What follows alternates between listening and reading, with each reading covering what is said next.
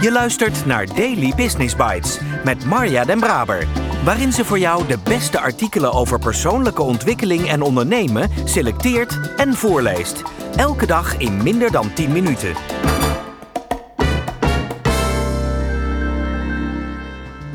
Een hele fijne dag en welkom terug bij de Daily Business Bites. Of welkom als je voor de eerste keer luistert.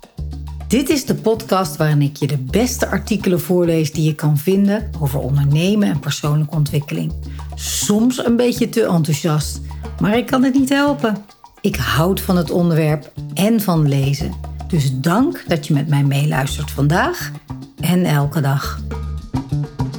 Dit is jouw Daily Business Bite, aflevering 12. Ik leidde een doelloos bestaan, nogal gek voor een keeper. Een interview van Ronald Buitenhuis met Hans van Breukelen in Managementboek op 20 augustus 2021. En ik ben jouw host, Marja den Braber. De huidige maatschappij maakt dat veel mensen zich een immense druk opleggen. Velen bezwijken eronder, vooral onder de druk van het moeten presteren. Hans van Breukelen, Benno Diederiks en Bas Kodden breken in hun nieuwe boek Mentale Innovatie een lans voor de terugkeer naar je eigen wensen en doelen. Over het geluk van pech hebben je ambities herontdekken, kunst en kunde en de tak aan de rand van de waterval als reddingsboei. Jullie omschrijven mentale innovatie in het boek als volgt: op basis van bevlogenheid en doorzettingsvermogen bewegen naar een leven zonder beperkingen, waarin aanpassingsvermogen en zelfeffectiviteit de doorslag geven. Herman Vinkers zei ooit: De cursus omgaan met teleurstellingen gaat wederom niet door. Gaat mentale innovatie eigenlijk niet gewoon om simpelweg goed omgaan met teleurstellingen? Ha, als je het helemaal plat slaat misschien. Mentale innovatie is een vervolg op ons boek Maak je comeback. Maar waar comeback een stappenplan was over hoe je uit een zwart gat kunt komen, gaat mentale innovatie veel meer over jezelf duurzaam innoveren. We leven in complexe tijden waarin onzekerheid de enige zekerheid is. Hoe kan ik voor lange tijd weer veerkrachtig worden? Hoe kan ik mijn talenten optimaal ontplooien? En hoe krijg ik weer een positief zelfbeeld? Bij techniek snapt iedereen wel wat innoveren is, maar je kunt ook mentaal innoveren. Jezelf herontdekken of liever terug naar de basis, je eigen DNA. Heeft mentaal innoveren ook met een tijdgeest te maken? Durven we ons steeds meer kwetsbaar open te stellen? Zoals ook turnster Simone Biles deed tijdens de Olympische Spelen, die bezweek aan druk.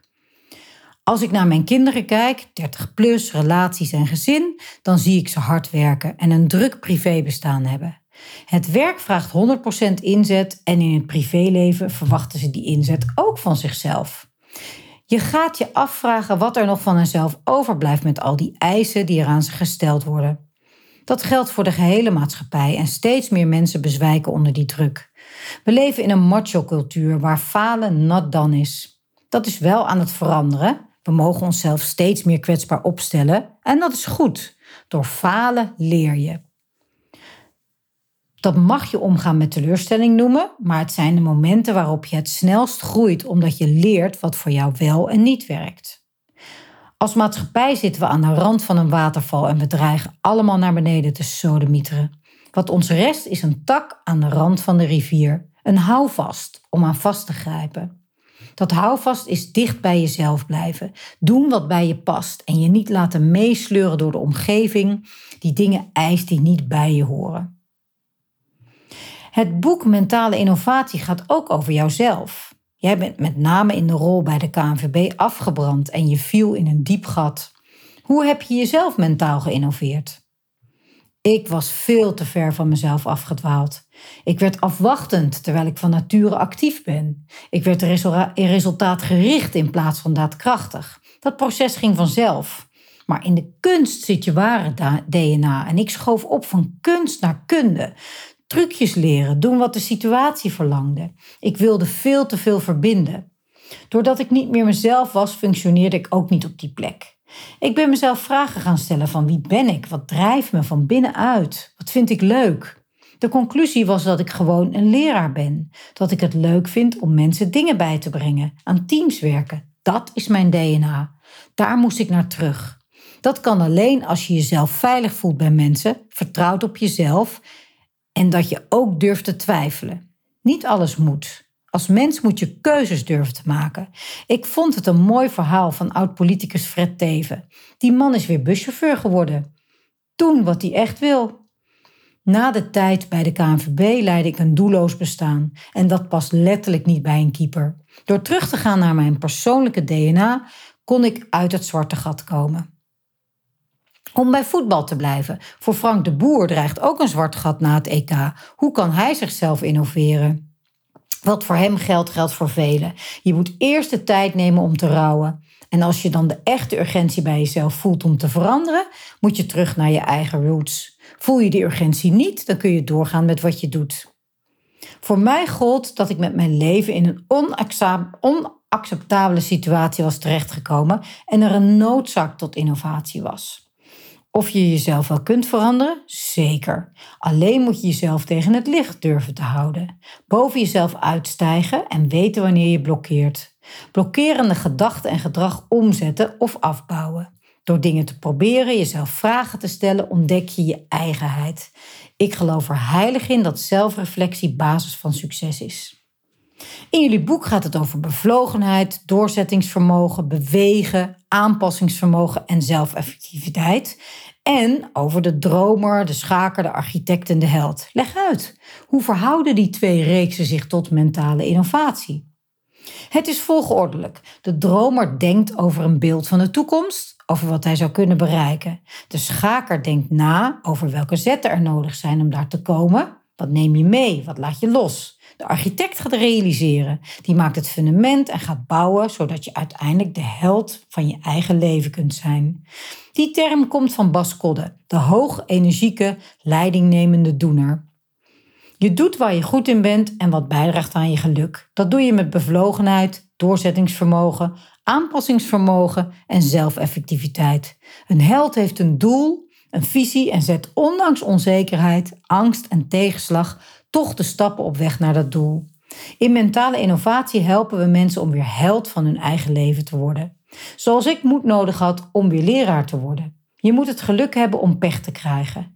Iedereen gaat wel eens plat op zijn bek. Als je pech hebt, leer je hoe je daarmee om moet gaan. Hoe je mentaal innoveert. Hoe je je niet langer laat leiden door de druk die de buitenwereld oplegt.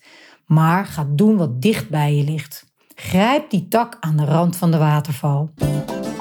Daily Business Bites met Marja Den Braber. Je luisterde naar Ik leidde een doelloos bestaan, een interview van Ronald Buitenhuis met Hans van Breukelen. Toen ik aan Ronald Buitenhuis vroeg of ik zijn artikel mocht gebruiken voor deze podcast, had hij wel een mooie vraag. Het interview is al even geleden en wat trok je er nou zo in aan? Ik heb veel met taal en pakkende titels. Dus ik leidde een doelloos bestaan, trok al mijn aandacht. Maar de woordspeling met de doelman maakte hem nog net iets leuker. Daarnaast heb ik altijd wel een zwak voor Hans van Breukelen gehad. Net tijdens de lunch hoorde ik dat mijn man dat helemaal niet heeft. Maar goed. Dus met een aantrekkelijke titel en een leuk persoon stond dit interview al snel op mijn podcastlijst. Maar die vraag van Ronald bleef bij het meerdere malen doorlezen van het artikel hangen. Terug naar de basis, je eigen DNA, plat op je bek gaan, jezelf weer opnieuw uitvinden, daar kan ik wel wat mee. Het boek, dat ik eerlijk gezegd niet heb gelezen, zal daar vast goede en praktische handvaten voor bieden. Bij de meer digitale begrippen als bevlogenheid, doorzettingsvermogen, aanpassingsvermogen en zelfeffectiviteit ben je me kwijt. Maar dan is Vinkers gelukkig weer degene die mij erbij haalt.